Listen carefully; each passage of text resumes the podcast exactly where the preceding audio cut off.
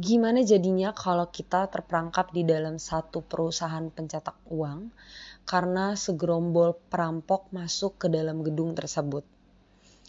Penasaran sebelum nonton? Review Money Heist Korea Joint Economic Area.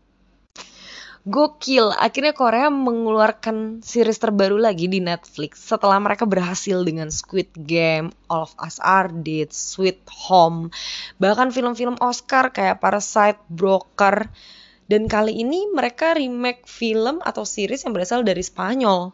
Gak tanggung-tanggung, mereka remake film Money Heist. Wah, sangat-sangat ditunggu-tunggu karena meremake sebuah film itu cukup sulit loh tapi Korea cukup berhasil dalam meremake Money Heist ini. Karena visualisasinya nggak perlu dilakukan lagi lah ya. Kalau Korea udah pasti top deh.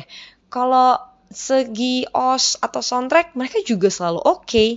Bahkan nih ya, untuk tempat-tempat yang mereka gunakan untuk syuting itu juga nggak perlu diragukan. Apalagi CGI-nya Korea yang makin maju dan menginspirasi para filmmaker-filmmaker di dunia ini termasuk di Indonesia. Nah, untuk premis juga sangat mudah dimengerti. Intinya sebuah perampokan yang terjadi di salah satu perusahaan pencetak uang. Dan perampok-perampok ini tuh bukan orang sembarangan. Tapi mereka punya latar belakang masing-masing. Intinya mereka punya catatan kriminal masing-masing. Lalu mereka juga punya karakter-karakter yang kuat di masing-masing pemeran. Dan yang paling gokil adalah mereka itu perampok yang tidak menyakiti orang. Bahkan mereka tuh anti banget loh buat bunuh orang keren banget tapi ya tujuannya memang tetap sih duit mereka keluar mereka kabur dan memperoleh uang yang banyak untuk ya kebutuhan mereka keserakan mereka atau motivasi-motivasi mereka yang lain. Kurang lebih premisnya singkat padat dan jelas seperti itu. Nah ada lagi pemeran-pemeran pembantunya kayak misalnya direkturnya. Uh, selingkuhan direktur yang relate banget lah ya di zaman sekarang uh, banyak juga direktur-direktur yang ternyata punya selingkuhan.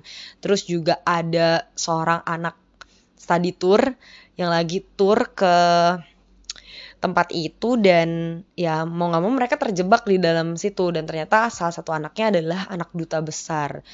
Terus uh, ada juga yang lain seperti staff dan guru-guru yang ada. Jadi relate aja sih uh, sama kehidupan sehari-hari. Lalu karakternya nggak perlu diragukan. Pemain-pemainnya, pemeran-pemerannya juga gue sangat-sangat suka. Apalagi pemeran-pemerannya adalah pemeran profesional senior-senior yang udah pernah main di Squid Game, Parasite, The Legend of the Blue Sea, dan lain-lain. Jadi udah gak perlu diragukan dalam pendalaman karakter. Ya, tapi yang gue sayangin adalah um, karena mungkin ke bawah vibes Korea jadi ada beberapa part yang masih kurang relate menurut gue seperti beberapa hari mereka di Sandra tapi Sandra-Sandra yang ada di situ masih on point banget. Alisnya masih bagus eyelinernya masih bagus lipsticknya juga oke okay, cetar dan kurang relate aja. Tapi balik lagi ini film Korea ini seriesnya Korea. Mereka memang mengutamakan look dan catchingnya mereka harus good. Lalu selain penampilan dan visualisasinya yang agak mengganggu, gue juga uh, apresiasi mereka punya trik-trik yang baru yang yang mungkin nggak ada di film sebelumnya. Dan itu membuat warna baru, membuat sesuatu yang gokil banget nih, fresh dan kelihatannya asik banget buat ditonton.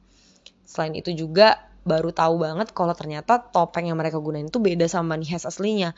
Topeng yang mereka gunain itu adalah topeng yang ada unsur etniknya, unsur Koreanya yang punya arti mendalam. Cuma gue lupa artinya apa, tapi ada artinya yang yang cukup uh, dalam banget dan itu katanya artinya bener-bener sangat-sangat seperti menyindir gitu.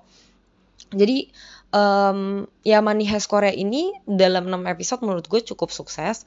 Tinggal kita lihat aja ke depan ya 7, 8, 9, 10, 11, 12 seperti apa. Gue masih berharap ada kejutan-kejutan baru ke brutal-brutalannya Tokyo.